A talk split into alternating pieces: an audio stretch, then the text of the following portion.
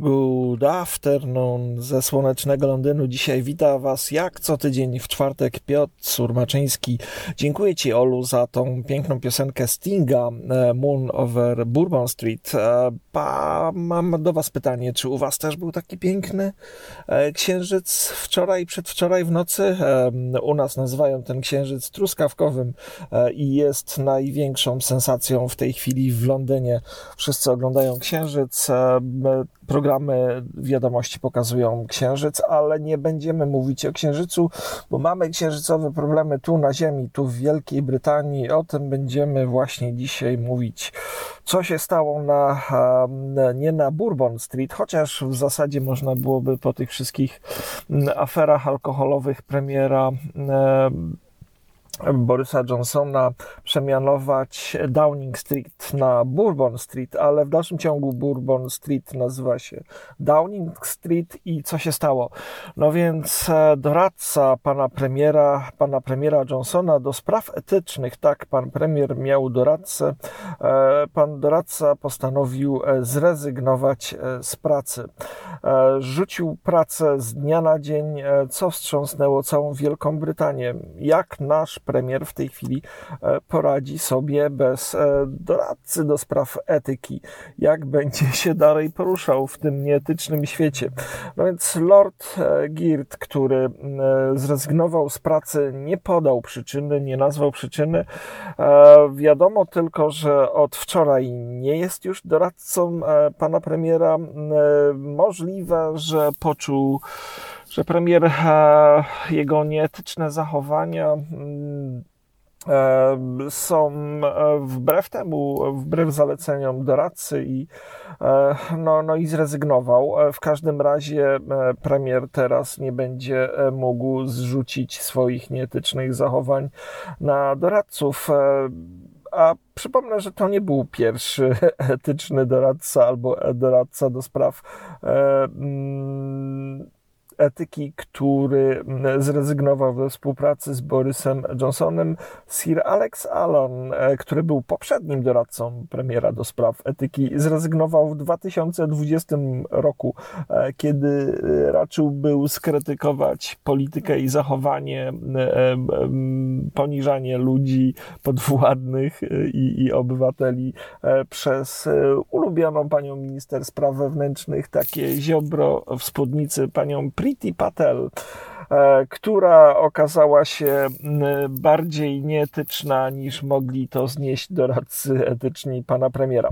Wracając do pani Priti Patel, pani Priti Patel ma swój moment triumfu. E, ponad rok temu próbowano rozwiązać problem z uchodźcami, z emigrantami, e, stosując metodę polskiego rządu, czyli pushbacki, co spotkało się z olbrzymim pushbackiem i administracji, administracji i, i e, wszystkich służb. E, brytyjscy pogranicznicy, brytyjska policja e, nie chciała się zgodzić na usankcjonowanie prawne łamania prawa międzynarodowego, praw człowieka i odpychania od granic na, na kanale La Manche uchodźców. To absolutnie nie przeszło. Było to wielki, wielka klęska rządu, ale nieetyczna Priti Patel e, nie zraziła się tym e, i e, opracowała nowe przepisy. Nowe przepisy, które polegały na tym, że tych szczęśliwców, którym uda się dostać w jakiś sposób do Wielkiej Brytanii, ale wpadną w ręce brytyjskich władz, będziemy odsyłać do Afryki, tak, do Ruandy prawo przeszło a, przez e, parlament. Na początku chciano ich wysyłać do Albanii. Okazało się, że Albania jest zbyt droga. A, zdecydowano się wysyłać tych biednych ludzi e, do Ruandy i tam e, w afrykańskiej Ruandzie pod równikowym słońcem zapewnić im bezpieczne i dostatnie, e, w cudzysłowie, e, jak na ruandyjskie warunki e, życie. No i właśnie w tym tygodniu pierwsze samoloty z wylosowanymi prawdopodobnie uchodźcami z centrum detention, z centrów, gdzie ich przytrzymywano, poszybowały wprost do Ruandy, co jest uznane za triumf Priti Patel, bo oczywiście mm, wszyscy krytykowali to prawo, krytykował i e, Kościół e, anglikański e, i oczywiście opozycja, organizacje praw człowieka. Sprawa obiła się o Sąd Najwyższy Wielkiej Brytanii, no ale Niestety, niestety dla uchodźców e, ruandyjskich okazało się, e, że e, tak sprytnie przygotowali te przepisy, że są zgodne z prawem i pierwsze samoloty poleciały do Ruandy. E, oczywiście w ślad za nimi polecieli reporterzy i okazuje się, że sam sposób deportacji był dosyć e, dramatyczny. Jak zeznają e, deportowani w Wielkiej Brytanii e, już przed samą deportacją traktowali ich bardzo e, brutalnie. Ludzie byli skuwani e, w kajdanki, popychani. Tak to wyglądało, że deportacją zajmuje się na zlecenie państwa e, prywatna firma i prawdopodobnie oficerzy tych e, prywatnych firm, które zajmują się deportacją, e, nie do końca spełniają standardy, które można byłoby oczekiwać w wypadku takich dosyć delikatnych sytuacji, jak deportacja ludzi. W każdym razie jest tak, że jest to temat, który będzie się na pewno rozwijał. Te pierwsze deportacje, pierwsze e, do, doniesienia to jest sprawa bardzo świeża. Z wczoraj będziemy się temu przyglądać, ale chciałem też przypomnieć w tym kontekście o tym, że w Polsce polski, polski no, nie użyję słowa rząd, ale w każdym razie polska władza, pisowska władza zdecydowała się jednak na pushbacki. E, polscy, w cudzysłowie, oficerowie z panią e, e, Michalską, tą taką blond oficerką nie mieli takich moralnych wyrzutów jak oficerowie brytyjscy. Odbywa się tam na granicy ciągle dramat. Chciałem o tym e, przypomnieć. E, no i chciałem też pozdrowić tutaj jedną z moich e, znajomych i gościni na, w moim YouTube'owym kanale, panią Barbarę Kurdej-Szatan, której kilka dni temu e, przedstawiono w mediach, przedstawiono zarzuty. Media poinformowały ją, że akt oskarżenia w sprawie znieważenia oficerów, którzy dokonywali e, łamania prawa międzynarodowego i wysyłali dzieci do, do lasu z rodzinami w zimie, narażając ich na śmierć. Ale to taka mała dygresja. E, e, w związku z Polską. W każdym razie pamiętajmy o tych e, osobach tam na granicy z Białorusią. Ciągle dzieje się dramat, a ludzie, którzy chcą o tym mówić prawdę, uważani są za znieważców, stawiani przed sądem, zamiast postawić przed sądem tych, którzy zadecydowali i którzy wykonują te nieludzkie, niehumanitarne i niezgodne z prawem międzynarodowym rozkazy. Ale przejdźmy do kolejnego tematu, niestety już ostatniego.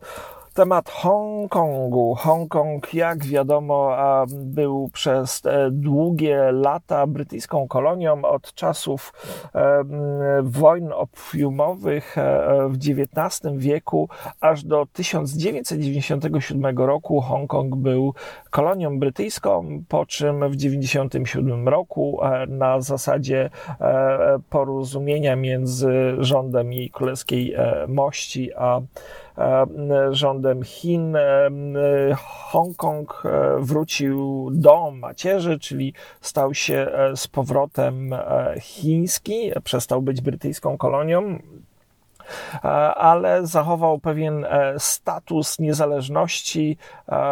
Jak to się mówiło, wtedy był jeden kraj, dwa systemy. System w Hongkongu był taki quasi dyplomatyczny, demokratyczny.